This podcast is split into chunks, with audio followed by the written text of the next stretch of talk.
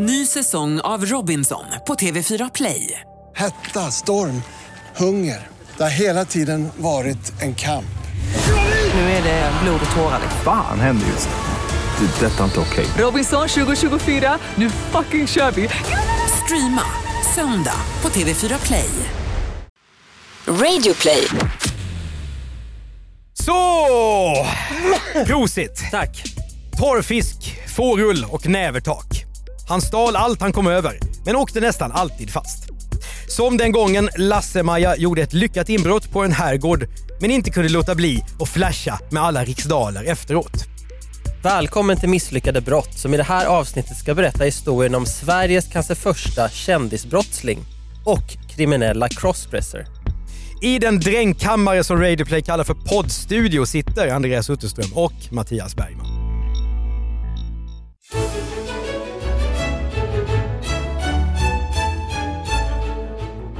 Kändisbrottslingen är som en egen genre i kriminaljournalistiken.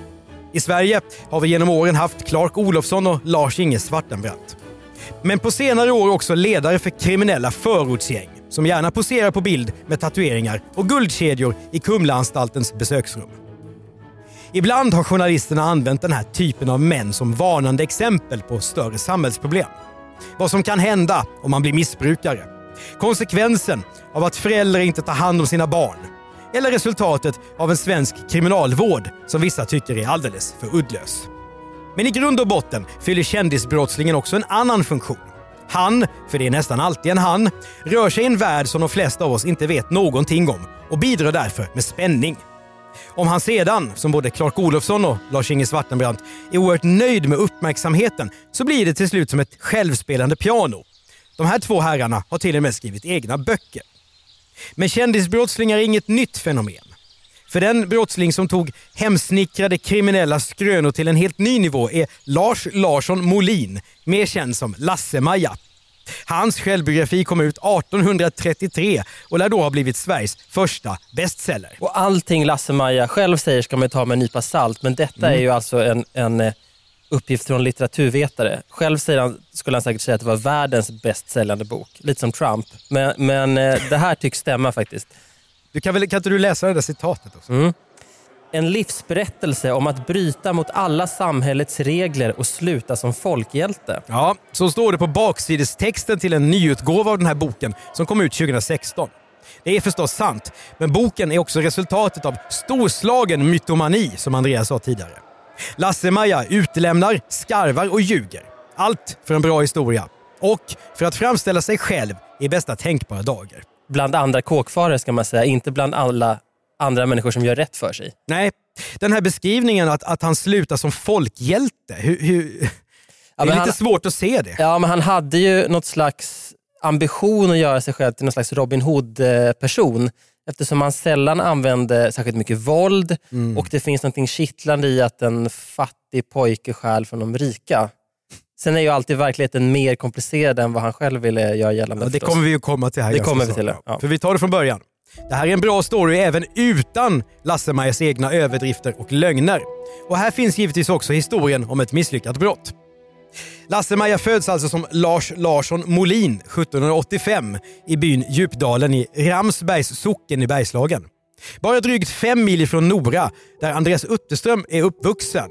Jajamän. Så du känner dig befryndad med, med Lasse-Maja? Ja, Lasse-Maja var ju en person som man snackade om regelbundet i skolan när man fick åka till Aha. olika länsmuseer och titta på träbitar som han har rört och sånt där. Så han var ju återkommande tema under skoltiden.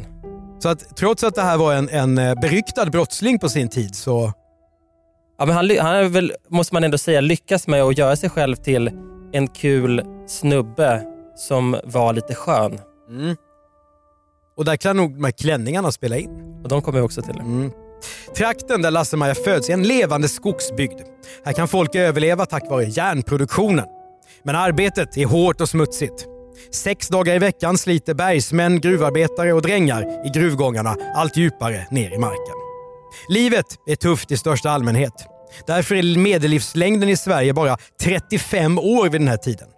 Sverige är fortfarande en jordbruksnation, även om industrialismen har börjat ge sig till känna borta i Storbritannien. Kyrkans makt är enorm, även om den sakta men säkert börjar utmanas av vetenskapen. En vanlig svensk kaxar sig inte utan lyder. Sina föräldrar om man är barn, sin make om man är kvinna och prästen nästan oavsett vem man är. Här fick du in lite, lite kyrkohat också. Mm, det, är, det har jag inget emot. Nej, du har ju inte det. Lasse-Maja växer upp i ett hem där disciplinen är hård. Om bordsskicket är dåligt eller om han spiller så vankas hårlugg, som han själv uttrycker det. Men fysisk smärta verkar inte bekomma honom det minsta. Lasse-Maja är inte den som viker ner sig. Som han själv skriver. Kroppsövningar försummades inte för jag revs och slogs med andra pojkar och fick ofta blodiga sår i striden. Man spådde därför att jag skulle bli en duktig soldat. Så blev det alltså inte. Istället så börjar Lasse-Maja ganska tidigt att spåra ur. Han är på glid som man sa förr. Precis så. Som barn attackerar Lasse-Maja en äldre dam med en iskall vattenspruta. Ja, Det är lite Emil i Ja. Lönneberg över det, eller Anderssonska Kalle det är kanske. inte ungdomsvårdsskola direkt på den. Men han släpper också iväg en annan, en annan eh, person på kälke i störtloppsfart nerför en brant backe. Det är ju rena busstreck det här. Verkligen. Ja. Men eh, när den här värstingen då som 15-åring ska konfirmera sig så smiter han istället undan och spelar kort och dricker brännvin med några andra tonårskillar. Först är det ingen som anar något, men sen så spricker alltihop. Lasse-Maja slipper stryk, men tvingas lova föräldrarna att bliva beskedlig, som det heter. Det går inget vidare. Lasse-Maja fortsätter spela, hamnar i skuld och slagsmål. Han går till dansstugor, han super och stjäl en tolvskilling från sin mor. Du som brukar vara förtjust i det här med att beskriva summor i dagens penningvärde, Andreas. Just den har jag inte En räknat om. tolvskilling, eh, Jag har inte räknat om just den. Jag har däremot räknat om annat som kommer senare i det här avsnittet. ja, tolvskillingen icke förty, men Lasse-Maja snor till och med spannmål från sina egna föräldrar, säljer till grannarna och stoppar pengarna i egen ficka. Entreprenör. Ja, det kan man ju säga. Eller lusfräck. Precis. Det visar sig dock vara en god affärsidé att hålla på så här så att Lasse-Maja fortsätter att smyga längs skogar, åkrar och myrar i Ramsbergstrakten på jakt efter spannmål som han kan stjäla från stugor och lador. Hittar han inget plockar han med sig det som finns. Höns, fårull, torrfisk, hampa och gäss. Han är som en dammsugare. Vid ett tillfälle överträffar Lasse-Maja sig själv genom stöld av ett nävertak från en ängslada. Oklart exakt hur det där gick till och vad, vad liksom volymen Ja. var på det där nävertaket. Ja, jag undrar om inte den är lite Den kan, upp, va, uppvinklad. den kan vara lite uppjabbad den storyn. Pengarna han får för allt byte, de spelar och dricker han såklart bort. Men jag har även en följdfråga om det här med hampan som han snor. Mm. Det var alltså inte hampa som man eh, röker på gissar jag. Det måste ha varit någon form av, oklart. Ska som vi, man- ska, ska vi kolla det eller? de gjorde väl rep och sånt av det där. Ja, det måste vara. Mm. Det är alltså inte, det är, det är varken medicinsk cannabis eller, eller för drogbruk utan det är skogs, vad heter, lantbrukscannabis. Precis. Mm. De här historierna är misstänkt sorglöst beskrivna i Lasse-Majas självbiografi. Allt förvandlas till muntra skrönor utan någon som helst svärta. Dessutom tycks Lasse-Maja oförmögen eller ointresserad av att tala sanning. Därför är det tur att historieprofessorn Lars Eriksson Wolke finns. I hans eh, utmärkta bok Lasse-Maja, stortjuven som blev författare och legend, benas sanning och lögn ut på ett sätt som förmodligen skulle driva bokens huvudperson till vansinne. Smeknamnet Lasse-Maja får Lars Larsson Molin enligt egen utsago som tonåring när han förvandlas till yrkeskriminell. En smed blir hans läromästare och lär honom stjäla på riktigt, som det heter. Efter att som vanligt ha ställt till det för sig tvingas Lasse-Maja fly hemmet och hamnar till slut i ett torp där han fattar tycke för smedens dotter Maja. Hon är 28-29 år men han själv är bara 14-15 år. Exakt vilken relation de har är oklart, men enligt Lars Larsson Molin får han en dag idén att låna Majas kläder som förklädnad. Det visar sig vara så lyckat att det sen blir en del av hans modus operandi. Och smeknamnet Lasse-Maja är fött. Hur kändis blir Lasse-Maja på den här tiden tror du? Han blir ganska känd snabbt och det, det här är en del av eh, eh, lockelsen. Och Sen finns det väldigt många teorier om exakt vad det betydde för honom att vara klädd i eh, kvinnokläder. Det finns formuleringar som tyder på att han hade liksom transsexuella drag. Att han var en transperson för att han beskriver hur mycket komplimanger han får och hur, hur vacker han var i kvinnokläder och så. Men, men det kan ju också bara vara resultatet av att han eh, inte klarar av att göra någonting med måtta. Mm. Det är ju det som är problemet. Han är lite gränslös. Ja, verkligen. Genom åren kommer Lasse-Maja att lura och bedra mängder av människor. Ibland genom att med kvinnokläderna agera lockbete för pilska män som sedan rånas. Men någon våldsam brottsling är han inte. Brotten bygger snarare på att han överraskar offren, inte sällan genom sin förklädnad, stjäl något från dem och sen snabbt försvinner därifrån. En slags smash and grab-strategi i klänning. Samtidigt är Lasse-Maja gediget inkompetent som kriminell. Han åker ständigt fast och verkar heller aldrig dra några lärdomar av det som just har hänt. För då hade han kanske avstått från Gammelbokuppen. Det som i hård konkurrens är kronjuvelen i hans serie av misslyckade brott.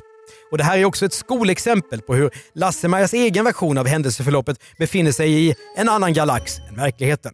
Hur som helst. 1807 är Lasse-Maja 22 år gammal och smider planer på en riktigt stor kupp mot Gammelbo herrgård. Lasse-Maja är säker på att det här är väl investerad tid. Han har nämligen varit på herrgården och stulit tidigare. Då fick han med sig 12 höns. Hur... Jag tänkte också, hur, Hur- lyckas man med det? Har man, en, man har en stor bur, eller? Men att sno saker som lever är ju skitjobbigt. Det, det här är ju egentligen en kidnappning, inte en stöld. Två stycken säckar Ja, och så kanske det. springa fort, fort därifrån. Ja. Men den här gången, en septemberdag 1807, då siktar Lasse-Maja istället på pengar. Mycket pengar. Så Lasse-Maja, han gör som han brukar. Drar på sig kvinnokläder och tar sig till Gammelbo herrgård. Där vandrar han och några till runt i trädgården och blir sen inbjudna av bruksinspektor Collin. Det är en slags uppsyningsman. Han tror att Lasse-Maja är en kvinna och tycker tydligen att det är en mycket vacker sådan också för hon blir inbjuden att övernatta. Det är ju ren kurtis här. Verkligen. Collin ser sin chans till fyrverkerier i sängkammaren och bjuder på glas efter glas för att mjuka upp damens motstånd. Han passar på att skryta lite genom att visa en koffert full med hela brukets kassa. 18 000 riksdaler banco närmare bestämt. Det är över 400 000 kronor i dagens penningvärde. Och se, där har jag gjort läxan. Mm, där har jag räknat. tackar, Mm. tackar. Man kan relatera. Sen blir det både kramar och kyssar. Men innan Lasse-Maja hamnar i alltför stor knipa måste Collin rycka ut i ett akut tjänsteärende. Lasse-Maja ser sin chans, tar pengarna ur kofferten, virar in dem i några näsdukar och därefter hoppar han ut genom ett fönster och flyr. Vi är även denna vecka sponsrade av Best Secret, en modesajt på nätet. 3000 exklusiva varumärken till upp till 80% rabatt. Det låter för bra för att vara sant, men du Andreas vet ju att det är ju inte det. Till exempel Gant har jag handlat en hel del från här. Ja, Baldessarini. Adidas, Calvin Klein.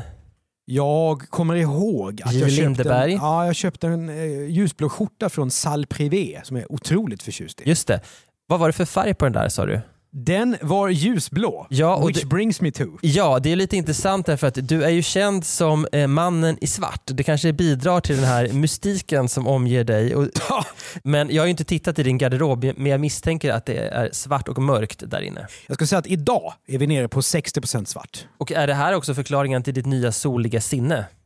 Nu blir vi ju närmast psykologer. Det handlar ju faktiskt om mode det här Andreas. Kolla här byxorna till exempel som jag kollar på nu. Då har du Hiltel 66% rabatt. Mm. Eh, marinblå, inte svarta. Jag har ett par uppe här som ser bra ut från Bruns Bazaar. 60%. Ja, det är nästan lite lätt faktiskt när man är inne på Best eh, Secret att man blir lite rabattavtrubbad och tänker vadå, bara 37% rabatt? Ja. Eftersom det faktiskt Ja. är så fruktansvärt bra priser. Ja, och det här är ju då årets och förra årets kollektioner. Så det är liksom inte, det är inte vintage från 80-talet vi, vi pratar om. Nej, och värt att upprepa igen. Över 3000 varumärken och upp till 80% rabatt. Mm. Normalt sett så måste man ju ha en inbjudan Andreas för att handla här. En befintlig medlem ska rekommendera en. Men det har vi ju löst här. Ja, det är bara att gå in på bestsecret.se misslyckade brott och sen sätta igång och börja shoppa svarta kläder eller om man nu som du då eh, känner sig lite mer eh, vågad så att man kan köpa till och med ljusblå plagg. Tack Best Secret! Ny säsong av Robinson på TV4 Play. Hetta, storm, hunger. Det har hela tiden varit en kamp. Nu är det blod och tårar. Fan händer just det. Det är detta inte okej. Robinson 2024, nu fucking kör vi! Streama söndag på TV4 Play. Ett poddtips från Podplay. I podden Något Kaiko garanterar östgötarna Brutti och jag, Davva, dig en stor dos skratt. Där följer jag pladask för köttätandet igen. Man är lite som en jävla vampyr. Man har fått lite blodsmak och då måste man ha mer. Udda spaningar, fängslande anekdoter och en och annan arg rant. Jag måste ha mitt kaffe på morgonen för annars är jag ingen trevlig människa. Då är du ingen trevlig människa, punkt. Något Kaiko, hör du på podplay. Därför är gardinerna. Men hur ska han komma från herrgården? Som tur är kommer en bonde från Värmland åkande och ger Lasse-Maja skjuts. Hade det varit någon från trakten hade det varit värre eftersom den här tjuven är en ökänd lokalkändis. Men nu går det bra. Värmlänningen fattar ingenting. Efter en stund hoppar Lasse-Maja av, tackar för sig och uppsöker en dansstuga där han givetvis genast bjuder laget runt. Det är en klassisk brottsling på det här sättet. Att han tänker väldigt kortsiktigt. Så fort som möjligt bara supa upp pengarna. Ja. Men det här vi har hört nu är alltså Lasse-Majas egen version av brottet. Men alltså han erkänner då, det är tidigt 1800-tal, men trots det så erkänner han att han klär sig i klänning och att han till och med hånglar med den här Collin. Jag tror att han är så, att han är så eh, fast i det här att han lyckas lura någon. Att han lyckas lura brallorna av någon, Mm. pun intended, så, så att det spelar liksom ingen roll det här med klänningen. Han är lite kär i sig själv. En aning ens. Mm. Men under rättegången så kommer det komma fram en annan bild och det är en helt annan version av vad som egentligen hände. Enligt den så kommer Lasse-Maja och hans kumpan, skomakarsonen Anders, till Gammelbo herrgård genom skogen. Bruksinspektor Collin är på begravning och därför inte på plats. De två tjuvarna går direkt till inspektorns flygel där Lasse-Maja använder en huggborr för att komma in i Collins pulpet. Det är en skrivmöbel som ser ut lite som en skolbänk. Eller i alla fall som en skolbänk såg ut på vår tid. Ja, Idag vet jag inte riktigt vad de har. Före vår tid. Har de ens bänkar? Ja, bord med någon slags låda. Men det här är ju alltså gammaldags... Eh, man tänker som det ser ut eh, i vilda västern-filmer. Ja. Och i Astrid Lindgren-filmatiseringen. Absolut. Det är alltså en, en, en möbel där det finns värdefulla saker inlåsta. Mm. Bra. Till slut så lyckas Lasse-Maja få upp den här pulpeten och hiva då ut den ena lådan efter den andra genom fönstret till Anders som står vakt utanför. Sedan tar de två sig snabbt därifrån. Efter någon kilometer stannar de vid ett torp för att räkna bytet. Det är 600 riksdaler, 300 var. Och det ska räcka till många krogrundor för Lasse-Maja. Nu delar de upp bytet, Anders sticker hem till sig och Lasse-Maja övernattar i en kolarkoja. Men låt oss stanna upp lite grann för att närstudera vilken typ av lögner som Lasse-Maja har ägnat sig åt här i sin egen historieskrivning. Ja, vad säger du Andreas, du som kan det här caset? Ja, men för det första då så är ju det här ett simpelt inbrott och inte ett smart bedrägeri i kvinnokläder. Antagligen inte, nej. Nej. Och för det andra så var bytet då 600 riksdaler, inte 14 000. Klassiskt Viss skillnad. att ja, skriva upp det på det sättet. Och sen då tredje och sista. Han firade inte med dans, fest och laget runt utan gömde sig i en skitig kolakoja. Mm. Och vad kan vi då lära oss av detta? Ja, att man ska ta det Lasse-Maja säger med en stor nypa salt. Ja, just det. Och den här boken kom alltså 1833. Mm. Det känns ju som att källäget kanske inte är 100. Å andra sidan finns det folk som ljuger friskt i sina självbiografier även år 2020. Det tror du. Det tror jag. Men eh, den här historieprofessorn som du har läst en hel del av, Mm. Volke, han har gjort jobbet alltså. Ja, för han har ju kollat domarna och eh, kyrkböcker och allt möjligt annat och då ser man ju gång på gång precis den här typen av skillnader mellan att vad Lasse-Maja har sagt hänt, till exempel att han blev frikänd från vissa brott medan han i själva verket fick fängelse som vi kommer till sen. Så, så att han är ju en, eh, en eh, total lögnhals. Sen är ju den intressanta frågan om han själv trodde på sina egna lögner eller inte. Men det är ju intressant för att precis som jämförelsen i början med Clark Olofsson och de här 1900-talsskurkarna så är ju medierna ett kommunicerande kärl med brottslingarna. Ja, I det här fallet då en självbiografi som då syftar till att Lasse-Majas eh, varumärke ska stärkas. Ja, och sen i slutet av sitt liv, då börjar dagstidningarna eh, slå igenom, så blir han också en, en karaktär för Mm. journalisterna. Men det är ju verkligen så i, i till exempel fallet Clark Olofsson. Det finns do, någon dokumentär där han då som har förstört folks liv genom att hota dem med vapen och annat sitter och drar skrönor och säger saker som ah, det var tider det. Alltså Mm. fast i sin egen bubbla av att han är någon slags entertainer. Och så var det säkert för, för Lasse-Maja också. Det är mycket möjligt. Hur som helst, dagen efter det här brottet så gäller det för Lasse-Maja att snabbt försvinna från trakten. Så han söker upp en av sina hälare, Erik Jansson i torpet Gusselhyttan. Vilka namn ni har där uppe i Nora. Man hör ju att det är en slug jäkel, vilket han också var. Erik Jansson. Ja. Ja, det kanske han var.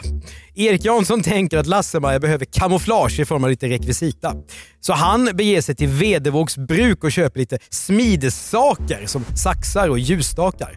Och de här ska då Lasse-Maja ha med sig för att låtsas vara handlare ute på resa. Nu är det helt enkelt flykten som gäller. Jajamän. De två hoppar upp i Anders skrinda och åker via Arboga, Köping och Kolsva till Västerås. Därefter skiljs de åt och Lasse-Maja fortsätter på egen hand upp till Stockholm. Framme i huvudstaden hade det kanske varit smartast att ligga lågt och spendera sparsamt och noggrant planera nästa kupp. Men sånt under radarn-leverne ligger ju inte för Lasse-Maja direkt utan han gör istället raka motsatsen. Han utger sig för att vara brukspatron Eriksson från Bergslagen. Till en början så funkar den här bluffen. För patron har ju trots allt lite pengar. Men det hela kommer ju snart att spricka. För Lasse-Maja har nämligen inte räknat med att hans kumpan Anders är ännu mer våghalsig. Efter att ha släppt av Lasse-Maja i Västerås har han nämligen återvänt till Bergslagen och genast börjat skryta om sina nya rikedomar. Ja, Det här är ju som en bruksanvisning hur man inte ska göra brott. Ja, men det här är ju som dagens rånare som plötsligt köper nya bilar, Mm. Ja. guldkedjor och, och sticker till Thailand. ja, ja, precis. Eh, och tror att ingen ska märka någonting. Ja. Och så sitter polisen och så säger de jaha, han har fått pengar plötsligt. Det är han som är skyldig. Precis, han, har ny, han har köpt en ny Merca nu plötsligt. Ja. En vecka efter rånet. ja. Hmm. Misstänkt. Fortfarande samma sak. Ja. Och inspektor Collin han nås ju också av de här ryktena i Bergslagen och Anders han grips direkt. Inspektorn skickar också sin bokhållare Marelius till Stockholm för att lägga vantarna på Lasse-Maja. Och det här vet vi helt säkert har inträffat. Resekostnaderna är mycket noggrant redovisade i Gammelbro Bruks räkenskaper. Ja, det är sånt som den här forskaren då har hittat. Ja, ja, Så det är fantastiskt tack. Mm. och lov för forskare som går till botten med kriminellas lögner. Framme i huvudstaden så går då den här Marelius till Stockholmspolisen och de griper Lasse-Maja. Men våran brottsling här, han är hal. I polisens diarium finns noteringar som visar att Lasse-Maja försökt lägga ut dimridåer genom att hävda att kumpanen inte hette Anders utan Peter Svensson. Eller så är det bara ett uttryck för Lasse-Majas oförmåga att kunna hålla sig till sanningen. Men namnet på den här medbrottslingen är inte det enda som är fel i polisens rapport. Den här är väldigt noggrant läst den här rapporten måste jag säga. Storstadskonstaplarna har ingen koll på, eller möjligen förakt för, torparna på landsbygden. Och Det gör att Lasse-Majas hemsocken anges som Ramshytte istället för Ramshyttan och att Gammelbo herrgård sägs ligga i Västerås. Och här känner man ju hur du som är från Nora, att du föraktar stockholmare för att de inte kan lära sig hur det, hur det är uppe i... Ja, nu tolkar du helt fel. Jag, jag har full förståelse för, för stockholmarna här. Det är bara väldigt roligt att, eh, att de eh, inte har kollat på en karta. Det måste man ju haft även på den här tiden. Utan att de faktiskt bara sagt, skrivit vad Lasse-Maja säkert har sagt för att han tycker det är kul att luras. Klart de hade kartor. Kort efter sitt gripande förs Lasse-Maja i fångvagn, fastlåst om både händer och fötter, till slottshäktet i Örebro. Och det, det är ju som i en Disney-film eller något. Man ser ju den här vagnen. De tänker sig nästan som en höskrinda och så, fa- och så fast Ja. sådär block liksom om händerna. exakt. Det, det, är ju, det är ju inte vackert alltså. Det var inte kriminalvårdens bekväma transporter som vi har idag direkt. Nej, och det är alltså från Stockholm till Örebro i en sån här vagn. Borde ha tagit Komfort. några dagar säkert. Ja, säkert. Enligt egen utsago lyckas Lasse-Maja på en rastplats supa fångvaktaren full och låsa fast henne med handklovar. Men sen så kommer det tre rättrådiga men aggressiva bönder beväpnade med yxor fram och hindrar honom från att fly. Det här litar du inte på heller, eller hur? Verkligen inte. Nej. Det här är då från hans egen bok. Oavsett hur det är med det här så hamnar Lasse-Maja till slut i häktet i Örebro.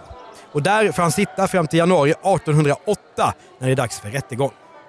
Och det här är ingen vanlig förhandling i Linde och Ramsbergs Bergslags häradsrätt. Hela rätten samlas nämligen på brottsplatsen, alltså Gammelbo herrgård. Lasse-Maja själv förs dit i järnbläck om både hand och fotleder. Han är dessutom noga övervakad av kronobefallningsmannen Wennervik, känd för att vara en av traktens mest effektiva poliser. Alltså stjärnsnuten Mm. får komma dit och göra vakttjänst. Vem kan man, är det liksom, det är Jennekvist? Ja, men Vem typ. ska man jämföra med? Typ. Ja. Dessutom så finns det en länsmansdräng här som extra förstärkning om Lasse-Maja skulle försöka fly. Men det här händer väl än idag att rätten ibland gör inspektion och så av brottsplatser? Absolut. Jag tror att till exempel i Knutbymålet så var de ute och tittade Mm. i, eh, där barnflickan och eh, pastorn hade eh, hållit på med sitt. Mm. Så att det händer, men tydligen väldigt ovanligt på den här tiden. Fantastiskt. För juristerna så är det ett elände att försöka reda ut vad som egentligen har hänt. Det ljugs i alla väderstreck.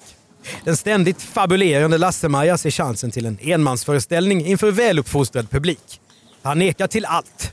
Pengarna som han hade på sig när han greps i Stockholm, det var stöld från föräldrarna, hävdar han. Stackars föräldrar känner jag. Ja, verkligen. De har ju inte haft det lätt med honom. Och I sin bok skriver Lasse-Maja senare att han dessutom misshandlades svårt av den arge inspektor Collin och därför frikänns från stölden. Men inte nog med det. Inspektorn ska ha anmälts till Svea hovrätt för att tagit sin revansch med nävarna. Men den versionen saknar som så ofta stöd i källorna. De visar istället att rättegången hålls den 11-13 januari 1808 och att Lasse-Maja till slut erkänner. Det är ändå fantastiskt att vi har sån ordning och reda i Sverige på, på papper. Verkligen. Ja. Att, att, det, att det finns dokumenterat domar från 1808 där man då till och med kan se väldigt detaljerat vad han fick för straff. Det är alltså 212 år sedan. Precis. Fantastiskt. Ja, straffet sa du. Det slutar med att Lasse-Maja döms till 40 par spö, tre slag av paret och en söndags uppenbar kyrkoplikt i Ramsberg. Kan du förklara lite grann vad det innebär det här? 40 par spö? Är det 80 slag då? 40 par spö av tre slag paret, så det är 120 slag. Ja, då. det är så. Det är 40 gånger 3. Precis, så det, det här är liksom den typen av, eh, av eh, straff som en del så kallade Sverigevänner och realister vill att vi ska tillbaka till idag. Då. Eh, en söndags uppenbar kyrkoplikt låter nästan ännu värre. Sä- Säkert för honom i alla fall. Ja. Men eftersom Lasse-Maja nu är en återfallsförbrytare så blir det ju ännu värre än så här. Han åker också på livstids straffarbete på Nya Älvsborgs fästing utanför Göteborg. Svea hovrätt fastställer sedan eh, straffet men skickar Lasse-Maja istället till Karlskrona fästning. Och den har jag varit på såklart. Den heter nu Kungsholms fästning. Fantastisk. En ö då utanför Karlskrona. Där de inte bara tog emot en massa militärer som har varit ute i världen utan dessutom då eh, satte fångar. Jag har själv varit i en sån där håla. Och det var nog ingen fröjd att sitta där 1808. Nej, fy du! För att eh, ja, det var ingen vällevnad i de fängelserna. Det kan jag säga. De dog ju som flugor i sjukdomar och sånt också.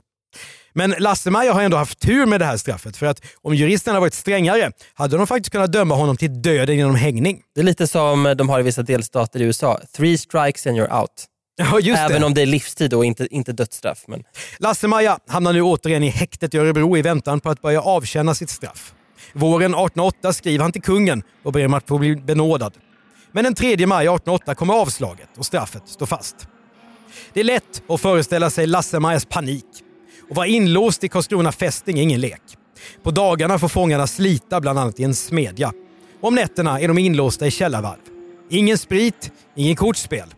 Så dagen efter avslaget så lyckas Lasse-Maja fly. Och vilket ju låter helt orimligt att han lyckas med det.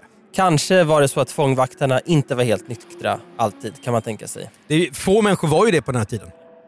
Lasse-Maja är på rymmen i 76 dagar innan han åker fast igen. Och resten av livet fortsätter han åka in och ut på anstalt. 1813 döms han till livstidsfängelse igen efter att ha stulit kyrksilver. Han hamnar som fånge i Karlstens fästning. Även därifrån lyckas han rymma men åker fast en gång till. Men Lasse-Maja använder också fängelsetiden till någonting konstruktivt. Att skriva sin självbiografi som kommer ut 1833 medan han fortfarande avtjänar sitt straff. Han benådas till sist av kungen 1839 efter att han har suttit inne i 26 år. Så det är som eh, de grövsta Mm. eh, kriminella, alltså mördare som vi har idag som får livstid, de får ju sitta kanske 20-30. Mm. Och det här fick han då göra för stölder. Det var lite skillnad. Det var lite skillnad, men kyrkstölder här jag tänkte på, det är väl det värsta man kan hålla på med på den här tiden. Ja, exakt. De sista åren av sitt liv bor Det är terrorbrott på den tiden. Ja, men nästan. Allmänfarlig ödeläggelse. Ja.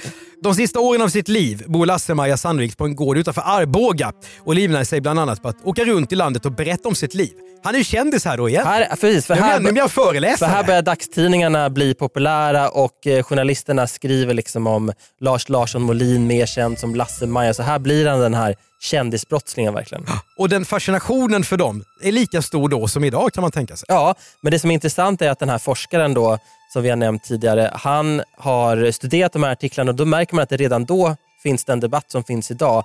Vissa tycker att det är spännande, andra tycker att det är osmakligt att man upphöjer en brottsling till någon slags hjälte. En tidlös debatt. precis samma sak som idag. Fantastiskt. Efter sex år i frihet 1845 avlider Lars Larsson Molin efter en tids sjukdom. Han blir 59 år gammal. Vilket då är att han blir väldigt, väldigt gammal på Ja, du sa tiden. 35 år var snittet. Ja, och, och då får man ju tänka på att då har han ju varit fängslad under eh, stor del av sitt liv bott un- under eländiga förhållanden så att han måste varit i väldigt god Ja, seg. eh, kondition. Ja, seg. Ja. Ja. Finns några bilder tagna på, på Lasse-Maja? Nej, men det finns eh, teckningar. Mm. Och det kan man säkert googla fram Absolut. om man är lagd så. Efteråt berättar statsläkare Herman Behm att Lasse-Maja vid det sista besöket på sin dödsbädd förvandlats till säkerhetskonsult och ger läkaren ett råd. Goa doktorn, det lider mot slutet nu. Några pengar... Så har han ju garanterat inte sagt. Så här är Ingen det, pratar på det så här sättet. är det berättat i efterhand. Eh, goa doktorn, det lider mot slutet nu. Några pengar till arvode har jag inte, men två goda råd kan jag väl få ge. Sätt stadiga nattluckor för alla fönster och skaffa en gott skällande knähund. Då har doktorn ett säkert skydd mot kringstrykande tjuvar. Ja, han borde ju veta. Ja, verkligen. Det är lite som när de som är med i KRIS idag ger råd om hur man ska undvika Ja. inbrott. Idag hade Lasse-Maja kanske varit med i kris. Garanterat. Han har suttit igår kväll och, Och, för, och förskingrat eh, kassan, garanterat. Ja, det är ju lätt att fabla vidare kring de här gamla historierna kan man ju säga. Verkligen. Lasse-Maja efterlämnar bara elände. Skulder, knäckta brottsoffer och svikna kamrater. Vem han egentligen var är fortfarande en öppen fråga. Men han fortsätter att fascinera, inte minst forskare. Historieprofessorn Lars Eriksson Wolke har i sin bok, som har varit till stor nytta för oss i arbetet med det här avsnittet, försökt sätta in Lasse-Maja i ett socialhistoriskt sammanhang. Litteraturvetaren Moa Holmqvist ser däremot helt andra aspekter. Hon har kallat Lasse-Maja för den mest kända transpersonen i svensk historia. Och så finns det förstås de som bara ser Lasse-Maja som en misslyckad brottsling med kjolar som kamouflage. Du har hört ännu ett avsnitt av 1800-talspodden Misslyckade brott. Jag heter Mattias Bergman, gör podden med Andreas Utterström, exekutiv producent är Jonas Lindskov. För Radio Play gör vi också poddarna Jag var där och Misslyckade affärer som du kan lyssna på. Recensera och betygsätt oss gärna så är det fler som hittar den här podden. Och fortsätt gärna mejla oss med idéer om andra case som vi borde berätta om i den här podden. Då kan man som sagt mejla till Misslyckade at bplus.se.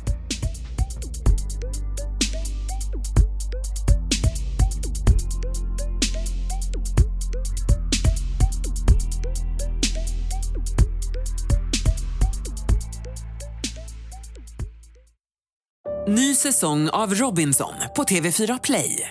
Hetta, storm, hunger. Det har hela tiden varit en kamp. Nu är det blod och tårar. Fan händer just nu. Det. är Detta är inte okej. Robinson 2024, nu fucking kör vi! Streama söndag på TV4 Play.